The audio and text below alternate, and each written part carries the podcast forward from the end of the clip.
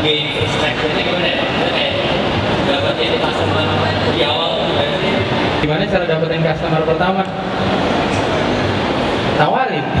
Dengan cara yang berbeda-beda dan tiap bisnis pasti nawarinnya dengan cara beda-beda dan yang efektif untuk bisnis A belum tentu bisnis B efektif dengan cara yang sama gitu. Tuh, jadi be kreatif tentang cara nawarinnya. So be unique juga penting sih biar orang pengen beli produk kamu kan intinya. Be unique itu penting banget dan kasih, kasih tahu pembedanya ke mereka apa. Kalau produknya nggak beda mungkin servisnya.